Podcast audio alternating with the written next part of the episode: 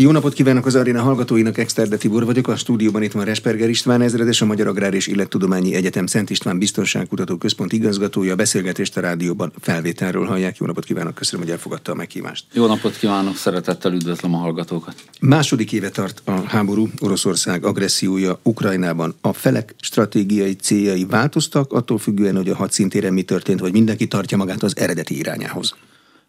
Nagyon nagy változások következtek be, ugye ha Putyin elnök úr fő feladatszabását nézzük, hogy nácitlanítani kell, el kell foglalni az országot, el kell venni az ukránok fegyvereit, illetve egy új kormányt kell felállítani, ez teljesen megbukott, át kellett helyezni a stratégiai főirányt a Donbassra, és azt a területeket visszavenni legalább az ő terveik szerint. A politikai célban még mindig az van, hogy nácitlanítás és Ukrajna demilitarizálása. Igen, ez benne van, de ugye azért ezt a katonák is látják, hogy egyelőre 17,49 százalék területet uralnak Ukrajnából, ahhoz iszonyú nagy győzelmet kellene alatni, nagyon nagy változásnak kellene bekövetkezni, hogy ezt meg tudják valósítani. Ukrajna részéről azt láttuk ugye, hogy mindenképpen egy EU-NATO irányba történő csatlakozási kísérlet, az orosz invázió visszatartása, illetve a teljes területének a felszabadítása. Hát ők is nagyon messze vannak ezektől a céloktól. Időben messze vannak a NATO csatlakozástól, az EU-tól talán kicsit közelebb, de azt gondolom, hogy az országot egybe kovácsolta az, hogy nem az orosz rendszer világába szeretnének tartozni. A teljes terület felszabadításába a krímet is beleértik, ami 2014-ben került megszállás alá? Igen, ők azt is beleértik, de érdekes módon a nyugati ö, politikusok, katonai vezetők ezt nem hozzák szóba, hiszen tudják, hogy ezt teljesen betelepítette Oroszország atomfegyverekkel, légvédelemmel, oda telepítette a haditengerészetét, harcászati repülőgépek, helikoptereket, helikoptereket tett oda, amivel a teljes fekete tengert uralni tudja. Két éve tart a háború. Laikus szemmel nézve is a háború képe rendkívül változékony volt ez idő alatt. Szakaszolható? tudományi szempontból, hogy ebben a két év alatt mikor mi történt?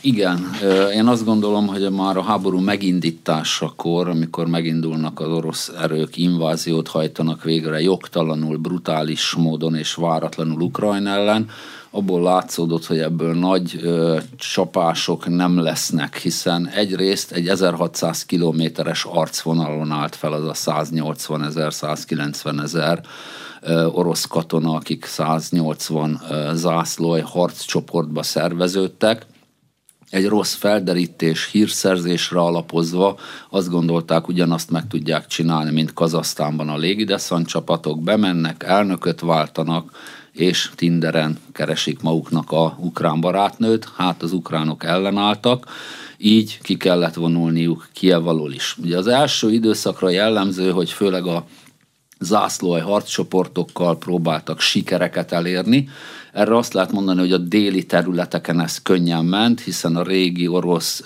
úgynevezett mélységi hadviselést tudták megvalósítani, körbevenni a városokat, repülőgép csapás, majd tovább a mélységbe a következő városokra.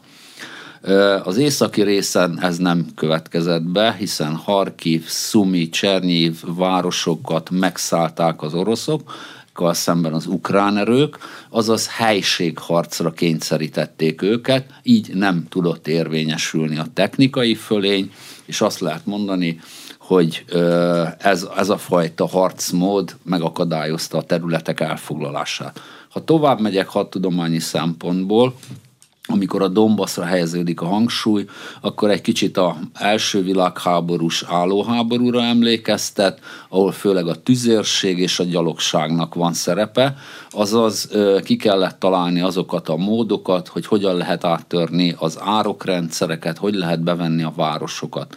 Itt elsősorban a oroszok próbáltak újítani, Gerasimov tábornok rávette Prigozsinékat, hogy megerősítve lövészekkel, tüzérekkel, légvédelemmel, páncélosokkal rohamosztagonként mentek be, de így is nyolc hónapig tartott például Bakmut ostroma. Az ezt követő szakasz az úgynevezett manőverező hadviselésé, amikor az ukránok Hersontól északra, illetve Harkivnál indítanak ellentámadást, illetve a mélységi csapásaikkal, amit a HIMARS sorozatvezetőkkel meg tudtak valósítani, jelentős területeket, közel 10 négyzetkilométert vesznek vissza. A mostani szakaszra az lehet jellemző, mint a második világháború védelmi harcaira.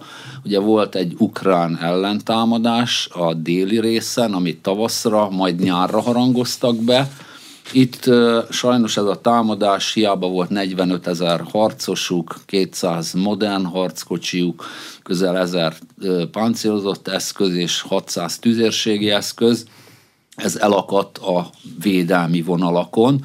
Itt én Kurszhoz hasonlítanám a helyzetet, több ezer aknát raktak le az oroszok, előretolt állásokat, harckocsi akasztókat, harckocsi árkokat alkalmaztak, nem jutottak semmire. A tervezésekben lehetett a hiba, hogy egyik fél sem tudott átütő sikert elérni az eszközök hiányában, a külső támogatás hiányában, a hozzáállásban, a parancsnoklás módszerében. Szóval mi magyarázza azt, hogy a sikerek nagyon váltakozóak voltak? Hát azt lehet mondani, hogy egyrészt a tér, a stratégiának három klasszikus eleme van a tér, az idő és az információ. Óriási térben vagyunk, 603 ezer négyzetkilométer, 1600 kilométeren kezdődött ez a háború, most egy 1000-1200 kilométeres arcvonalon folyik. A mélységi kiterjedés 1300 kilométer, 1306 kilométer Ukrajnának az ész, a nyugat-keleti, és 1000 kilométer az észak-déli. Rengeteg eszköz kell ahhoz, hogy ha csak a gyalogosokat akarom megsemmisíteni. Gondoljuk el, jelenleg olyan 400 ezer ukrán harcos van a védvonalakban, 420 ezer körül van az orosz erők száma ahhoz, hogy sikereket lehessen elérni, rettenetes nagy légi fölény kellene, egyik fél sem rendelkezik ezzel. Az oroszok közel 320 repülőgépet vesztettek, 320-szal rendelkeznek helikopterből, repülőből, ezekkel kell 1000 kilométeren operatívan tevékenykedni.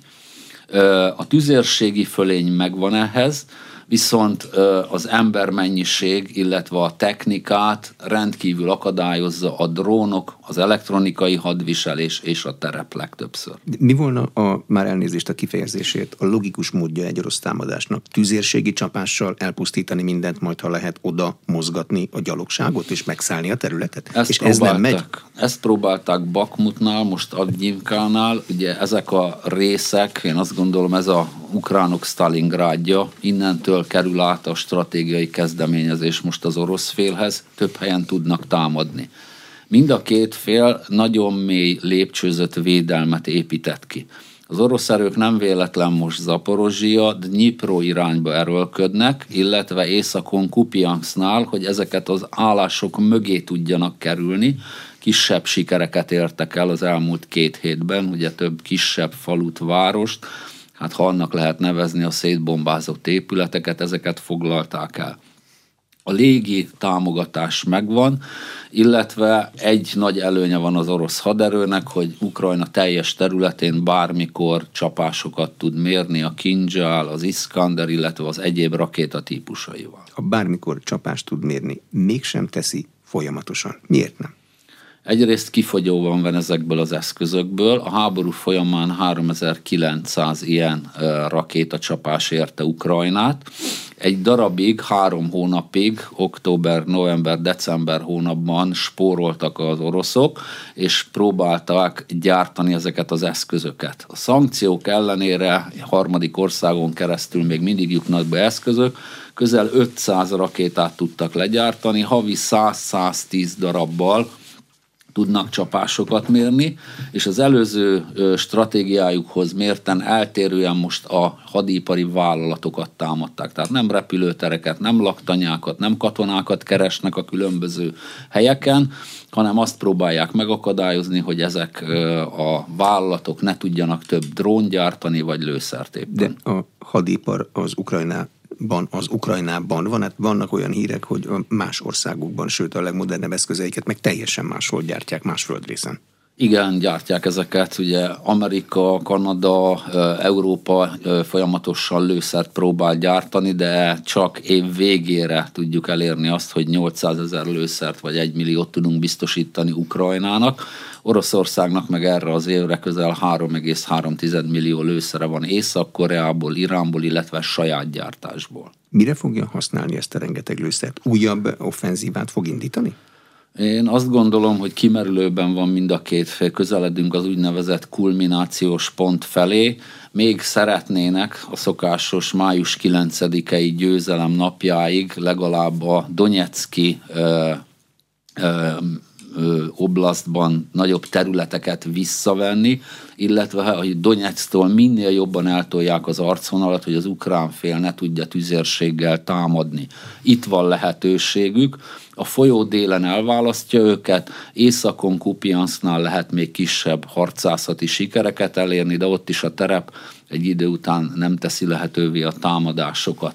Ez a lőszer elégséges ahhoz, hogy év végéig háborúzni tudjon még Oroszország. Akkor ez most a háború fele, mert olyan elemzéseket is láttam, hogy ez majd valamikor 26 környékén fog véget érni valamiféle előbb tűzszüneti, majd béketárgyalások, vagy még nem a háború fele, még sok van hátra.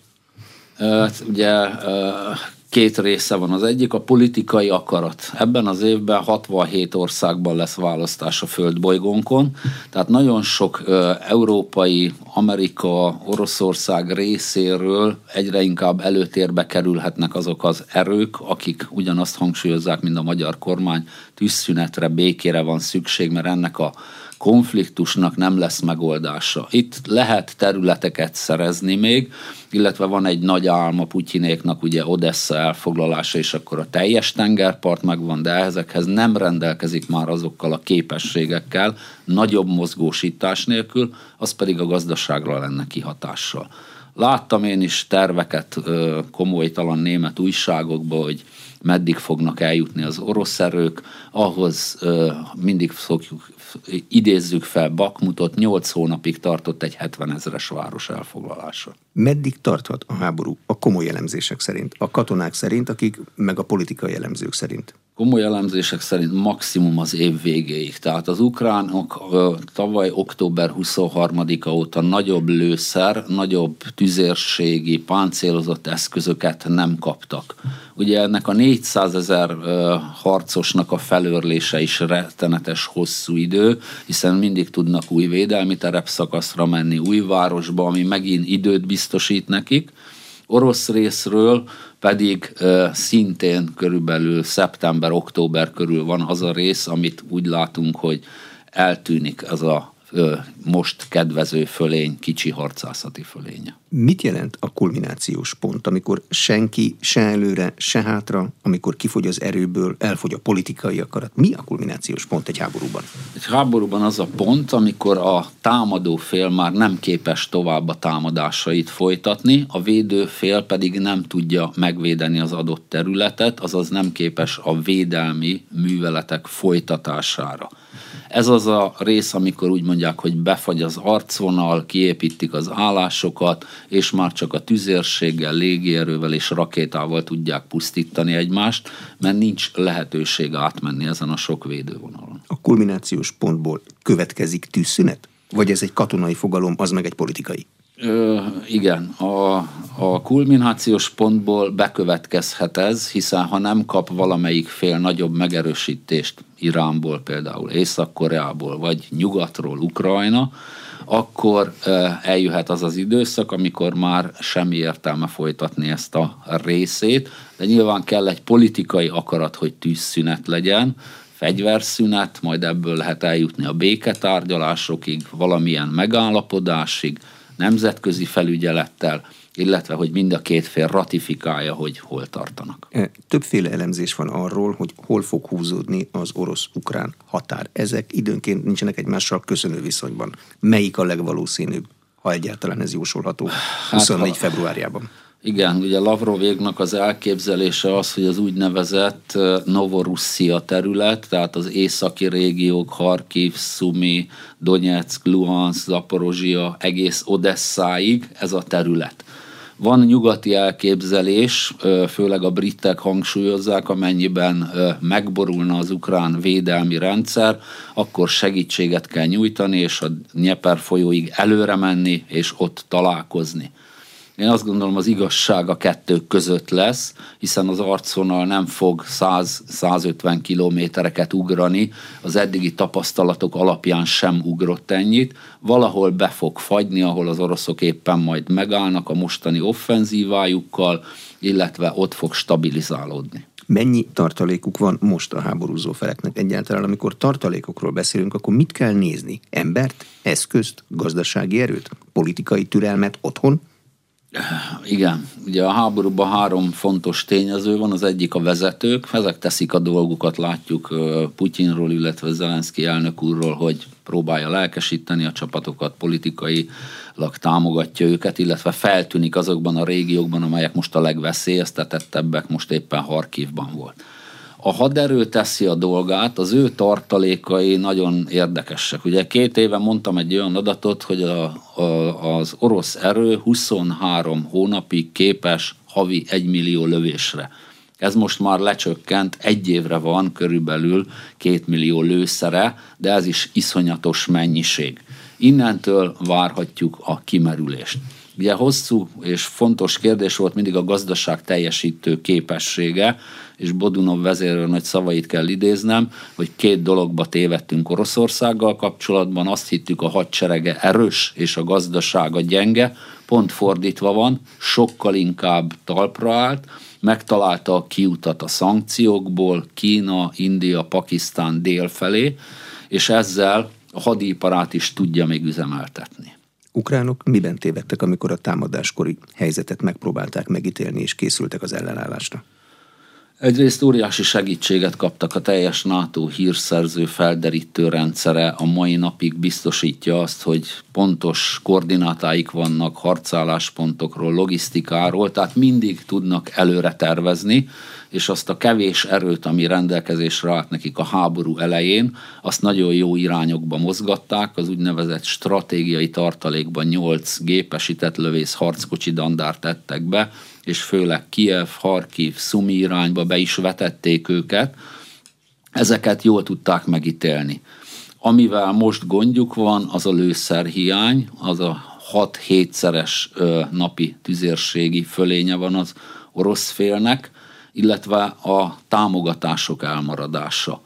Az a mennyiségű modern harckocsi, amit kapott az a közel 150-200 darab, annak a nagy része elfogott, fogyott Bakmutnál, Robotinénél, Zaporozsiánál, a támadásban, illetve a másik problémájuk, hogy a technikájuk 80%-a orosz típusú, ehhez már tényleg nincs lőszer. Az orosz hadipar fejlődött a nyugati haditechnikával való harctéri tapasztalatok alapján? Igen, azt is emelik ki a szakértők pontosan Oroszország kapcsán, hogy a kezdeti nehézségek után jól adaptálódott a háborúhoz. Egyrészt megtalálta az ellenszert a ukrán légvédelemnél a, a iráni drónokkal, olcsó eszközökkel lehet ezeket pusztítani, a saját csapatait tudta biztosítani. A másik az, hogy át sikerült állítani a gazdaságnak egy részét hadigazdaságra. Csak idén 500 ezer ember került be a hadigazdaságba, 100 harckocsit, 200-250 tüzérségi eszközt küldenek a frontra nem újakat gyártanak, a régi T-55, T-62-eseket újítják fel, de ez is segítség a fronton harcolóknak, ha más nem közvetlen irányzással tudnak tüzelni ukrán célpontokra. Illetve a közvetlen irányzás az, hogyha látják, amire lőni kell? Közvetett, bocsánat, közvetett. tehát amikor ö, mi úgy hívtuk harckocsizók, hogy fedett tüzelőállásból végrehajtott tüzelés. Jó, csak tehát nem értsük mi is, akik célt, nem voltunk Csak a térképen, igen.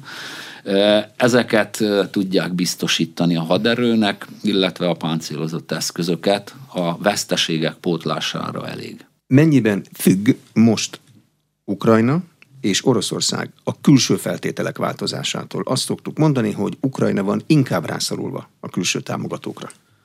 Igen, ugye Ukrajna közel 230 milliárd dollárt segélyt kapott a két év alatt, ebben körülbelül 97 milliárd dollár volt a katonai segély, és ennek a 60-70 százalékát az Amerikai Egyesült Államok biztosította. Most ott a belpolitikai villongásoknál látjuk, hogy 28-án szavaznak erről, hogy megkaphatja ezt Ukrajna. Ő neki rendkívül fontos ez a támogatás. Egyrészt nagyon fontos a nyugati eszközökhöz a rakéták biztosítása. Gondoljunk bele, egy HIMARS lövedék 60 millió forintba kerül, hatot el tud lőni egy perc alatt ez az eszköz. 89 eszköze volt a háború kezdetekkor, illetve a támogatások folyamán Ukrajnának ebből, kettő most ö, sérült le, tehát ez egy nagyon fontos eszköz. A Patriot régvédelmi rendszer 1 milliárd dollár egy amiben három tüzelőállás rész van, egy rakétája a modernebb változatnak 2-4 millió dollárba kerül. Tehát rendkívül fontos, hogy ezekből az eszközökből meglegyen a támogatás, illetve a tüzérségi eszköz egy millió lőszerre lenne szükség az arcvonal tartásához, és nagyobb területek feladása nélkül akkor stabilizálni lehetne az arcvonalat. Oroszország ugye olyan partner talált Észak-Koreát, akinek 21.600 darab tüzérségi eszköze van, és ehhez millió legyártott lőszer. Igaz, a minőségre panaszkodnak a orosz tüzérek, hogy hát sokszor már túl rozsdás az eszköz, és nem biztos, hogy fel is robban, ha kilövik ezeket. Van velük gond, de kaptak közel két milliót. Tehát ezzel el lehet háborúzni, illetve Irántól kaptak 300 ezret, a saját gyártás pedig egy millió körül van jelen pillanatban. Gazdaságilag is fontos, hogy a háború támogató része meglegyen, hiszen Ukrajnának nem csak háborúznia kell, hanem egy országot működtetni, gondoljunk bele, az a még ott levő 30-35 millió embernek az ellátását, munkáját, társadalombiztosítását biztosítani kell. Ehhez hol a Világbank, hol a különböző Európai Uniós szervezetek, illetve más országok biztosítanak forrásokat.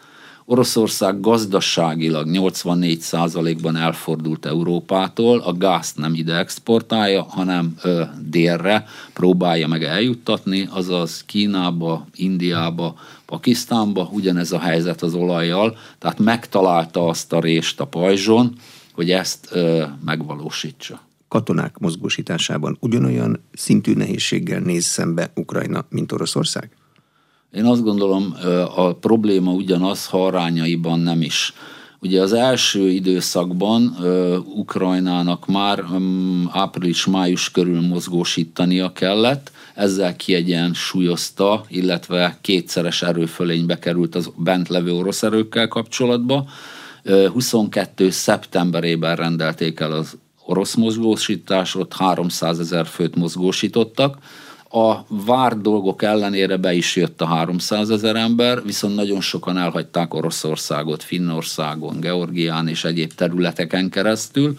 Tehát a háborúval szembeni ellenállás, ami jellemző azért Európára is, mind a két részen ott van, és ez is a lakosságnak a ellenállását fokozza. A mozgósított emberek mikortól kezdve számítanak bevethető katonának? Hát ugye azt szokták mondani, hogy a fiatal kopasz katona az nem katona még, majd ha hat hónapot lehúzott, most egy két-három hónapos kiképzést kapnak az orosz területeken, aztán kerülnek az arcvonalba, ott ha az első hónapot túléli, akkor azt szokták mondani, hogy már van tapasztalata a különböző gránátok, robbanások, csapások kezelésében, és hát ugye a támadásokban valójában azt lehet mondani, hogy ezek a harcosok akár nyugaton, akár keleten kapják a kiképzést. A legnagyobb gond az, hogy amire az ukránok panaszkodtak, hogy olyan kiképzést kaptak, amihez semmi köze ennek a háborúhoz. Itt álló háború van, állások vannak, betonbunkerek vannak, ők egy másfajta kiképzést kaptak. Orosz részről pedig az a fő probléma, hogy az a hivatásos állomány, aki a háborúban van, abból nagyon kevés tud hátramenni és kiképzést folytatni, és olyan kiképzést, ami erre a fronton lenne szükség. A háborúzó felek hadi filozófiájában mellett meg lehet mondani, hogy melyik az eredményesebb? Azt szoktuk mondani, hogy az ukránok jelentős része ugye Moszkvában végzett, de már amerikai kiképzést is kaptak, az oroszok Moszkvában végeztek, de volt egy olyan időszak, amikor az oroszok meg az amerikaiak látogatták egymás akadémiáit, tehát igazából tudnak mindenkiről mindent. Pontosan két filozófia van ugye a hadviselésben, azt szoktuk mondani, az egyik az úgynevezett anyagcentrikus amerikai típusú, ami arra épít, hogy megfelelő logisztika, lőszer, tüzérségi ellátás meglegyen, illetve a feladatcentrikus, vagy mission command, vagy németül az Auftragstaktik, tehát a kezdeményezőkészség, a manőverezés legyen jellemző a katonára, ezt a háborúban az ukrán fél nagyon jól alkalmazta a háború első szakaszában, a Harkivi offenzívánál vagy Hersonnál.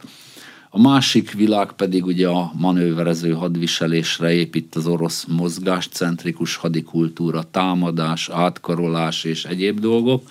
Ők ezt csak a háború első szakaszában, azt is térben korlátozottan a déli hadszintéren tudták megvalósítani, az ő jellemzőik viszont a parancsirányultságú feladatrendszer, tehát a főparancsnoktól egészen a zászlói parancsnokig egy hierarchikus rendszerben tevékenykednek. Ez a nehezebb. Viszont az állóháborúban, amikor a tüzérségé a főszerep, akkor kiegyenlítődnek ezek a feladatok, hiszen az ukránok nem tudnak manőverezni, az oroszok pedig, mivel tüzérségi fölényben vannak, próbálják felőrölni őket, ezt láttuk Bakmutnál, illetve Avgyimkánál. Amikor felőrölnek egy védelmet, egy egységet, akkor az azt jelenti, hogy onnan mindenki elvonul, ha tud, vagy mindenki ott marad meghalni? Tehát mi ennek a gyakorlata? Nem, hát ugye az arcvonalon most jelenleg közel 220 ukrán alakulat van, és közel 300 orosz alakulat. Mi ezeket nyilván követjük, figyeljük, és mindegyik alakulat jelzésénél a NATO-ban van egy jelzés, hogy 25, 50 vagy 70 százalékos veszteséget szenvedett. Ez rendkívül magas mind a két oldalon, tehát nincs hős egyik meg a másik oldalon sem, a gránát az ugyanolyan mind a két félen általában akkor adják fel a felek azt a területet, amit rábíznak és védenie kell, amikor eléri a 50-70 százalékos veszteséget. Gondoljunk bele, egy dandárnak általában 25 kilométer szélesen védenie kell. Ha elfogynak az emberei, akkor nem tudja tartani ezt az állást, nem tudja tűzzel lefedni, manőverrel, illetve tüzérséggel, tehát hátrább, biztonságosabb vonalba kell visszavonulni. Amikor visszavonul, akkor eszközeivel együtt vonul vissza, vagy ha úgy sincs lőszer már hozzá, akkor ott hagyja. Van erre valami szabály a két oldalon? A szabály az mindig vinni kell az eszközt. Ha teljesen működésképtelen, akkor a fegyverzetét meg kell rongálni, ágyúcsövet berobbantani, hogy a másik fél ezt ne tudja használni, hiszen vannak kompatibilis eszközeik, hiszen mind a két fél orosz ö,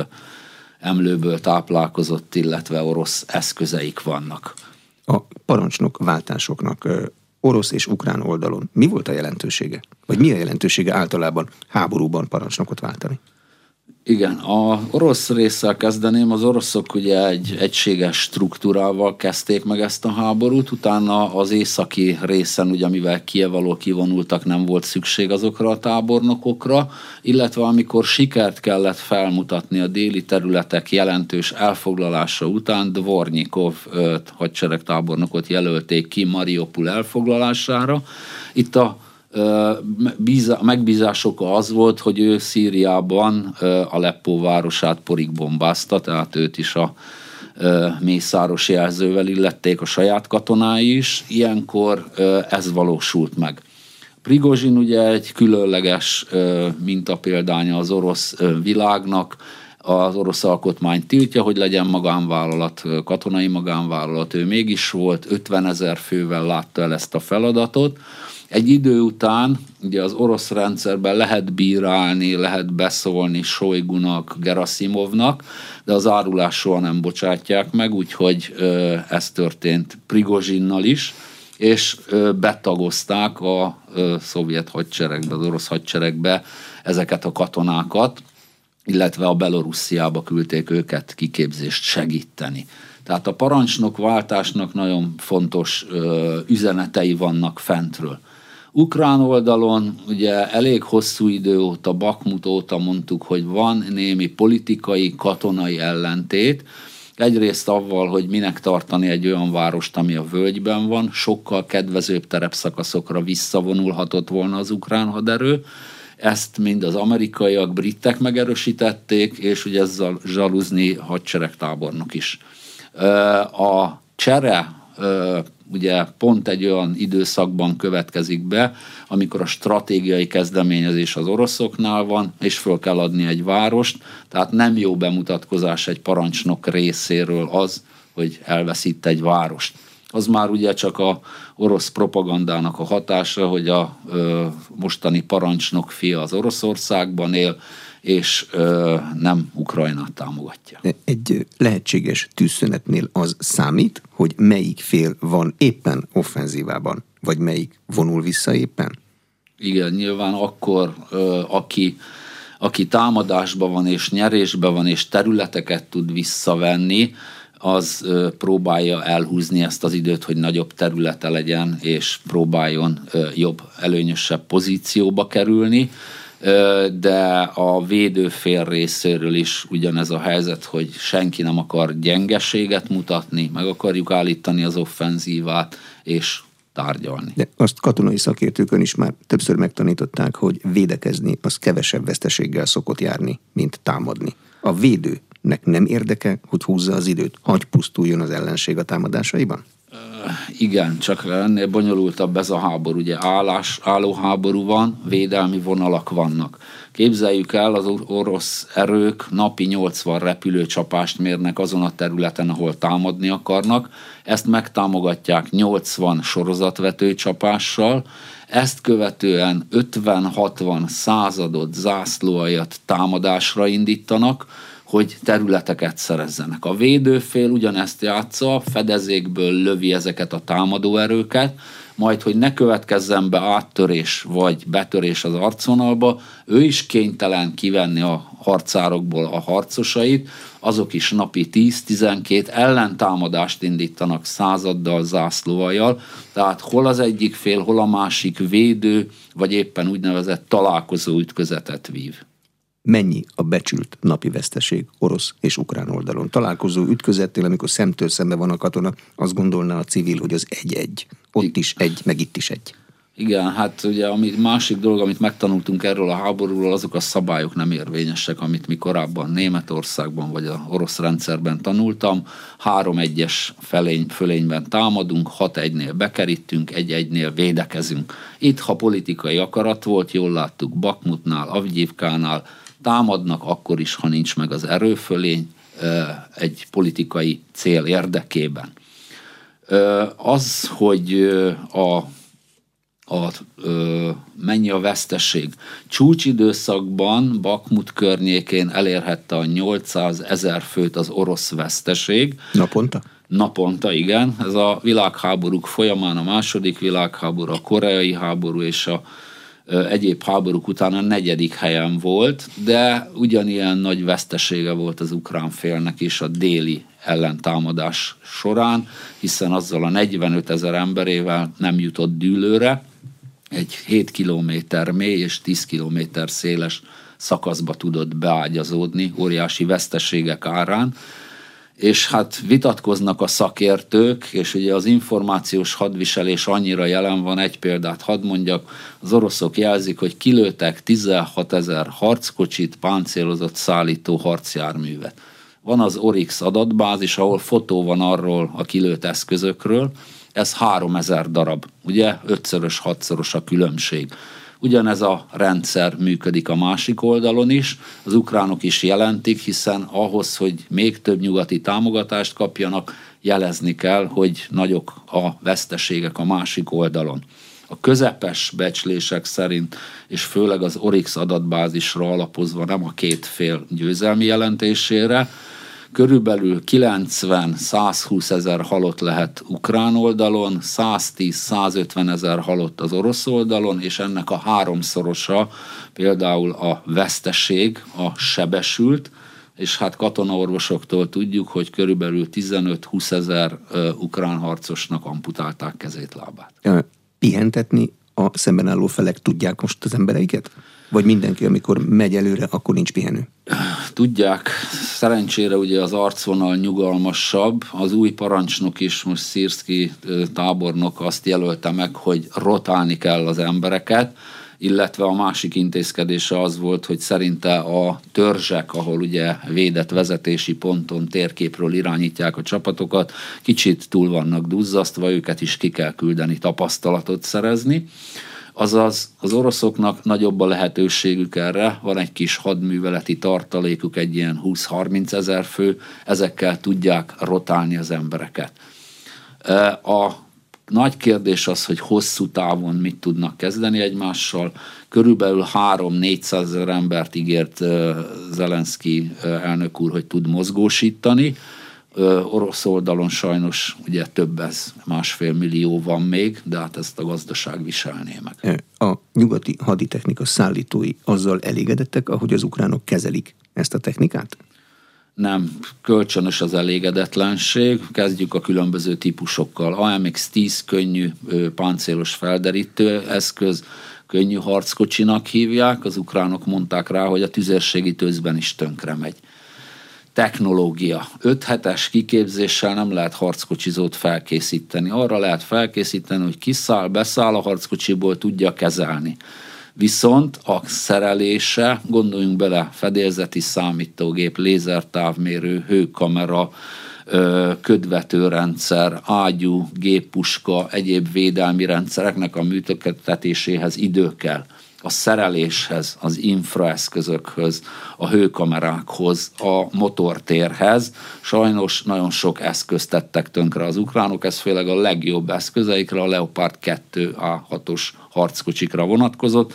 18 az javíthatatlanná vált a hadszintéren, miután orosz módszerekkel próbálták javítani egyiket a másikból, illetve szakszerűtlenül, ezért döntött úgy a Rheinmetall, hogy mind Litvániába, mind közelebb az arcvonalhoz, Lengyelországba visz ö, javító személyzetet. A további szállítások mitől függenek az amerikai kongresszustól, és ha ők azt mondják, hogy rendben van, akkor rendben van, mi Európából újabbakat nem tudunk nekik adni? Én úgy gondolom, Európa ebbe kimerült. Az a 250 harckocsi, amit a lengyelek, a németek, a franciák biztosítottak, ugye 15 ország 40 féle eszközét kapta meg Ukrajna. De ezek már ö, sokszor a hadrendből kerültek ki, például a Marder gyalogsági harcjárművekből, körülbelül 40-et adtak át Ukrajnának, de ez már nem a gyártásból került ki, tehát végesek a történetek. Tudom, hogy Dánia most bejelentette, hogy a teljes tüzérségét, lőszerkészletét átadja, de akkor ugyanabban a helyzetben lesz, mint Nagy-Britannia, ők is erre törekedtek, és most várják, hogy majd valaki gyártson nekik.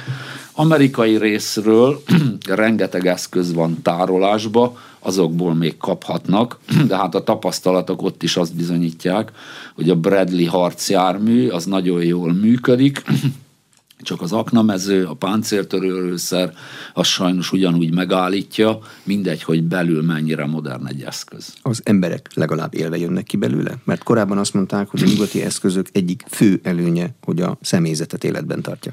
Igen, megvizsgáltuk azt is, hogy a kilőtt Leopard, illetve ö, egyéb harckocsi típusokban, ami jelen van a hadszintéren, 95%-ba kiszállt a személyzet és el tudott jönni, nagyon ritka esetben halt meg a személyzet, tehát ez egy óriási előny, csak hát ezekből az eszközökből ugye körülbelül 5-10 százaléknyi eszköze van Ukrajnának. Mi a garancia arra, ha van, hogyha lesz tűzszünet, majd béke, akkor Oroszország nem kezdi újból a támadást egy bizonyos idő leteltével, tíz év múlva. Igen, nagyon sokfajta ö, koncepció van, hogy két-három év múlva fel kell készülni Európának, ezt mondja néhány szakértő. Én azt gondolom, rettenetes állapotban lesz az orosz gazdaság négy-öt év múlva, hiszen De a hatások... Ezt mondtuk, amikor elindította a háború. Igen, akkor is. akkor is ezt mondták, de megoldódott sok dolog.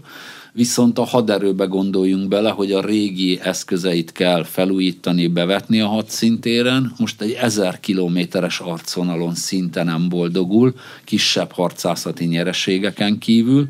Ha a NATO-val lépne konfrontációba, vagy Európával, 5000 kilométeren kellene dolgoznia, és aszimmetrikus a viszony a NATO és Oroszország között, mert körülbelül 20 ezer vadászgépe van például a NATO-nak Oroszországgal szemben, tehát egy teljesen más dimenzióban kellene háborúznia, erre nem lenne képes. Tisztán katonai szempontból milyen ukrajnai béke a jó Európának? Ö, igen, itt a nagy politikának és itt a nagy hatalmakra gondolok, mind a két féllel el kell hitetnie, hogy nyert. Egyrészt Ukrajnának azt, hogy meg tudta állítani a világ harmadik legnagyobb hadseregét, másrészt Oroszországgal is el kell hitetni, hogy azok a célok, amiért belement a háborúba, tehát az orosz lakosság védelme, ezeknek a biztosítása megvalósulhat azáltal, ami korábban Donbassban egy óriási probléma volt, a 2014-es tűzszüneti vonalon, naponta lőték egymást a felek 50-60 tüzérségi csapással, tehát, hogy ezt a állapotot valahogy át kell vinni egy békébe, én azt hiszem ez lesz a legnagyobb feladat, illetve a helyi lakosságnak is el kell fogadnia azt, hogy mi a helyzet.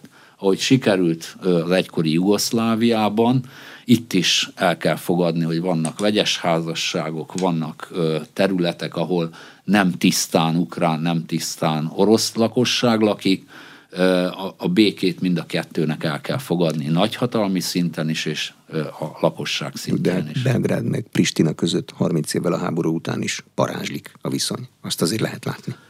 Azt látjuk, hiszen én nem gondolom, hogy azonnal háború lesz, tehát egy nagyon alacsony intenzitású konfliktus biztos lesz az arcvonal mentén, amíg a felek nem tudnak gazdaságilag, politikailag ebbe belenyugodni, addig mindig lesz katonai villongás egy arcvonal mentén. Mit jelent Svédország csatlakozása a NATO-hoz, ami beszélgetésünk pillanatában biztosnak látszik? A svéd kormányfő is itt volt Budapesten.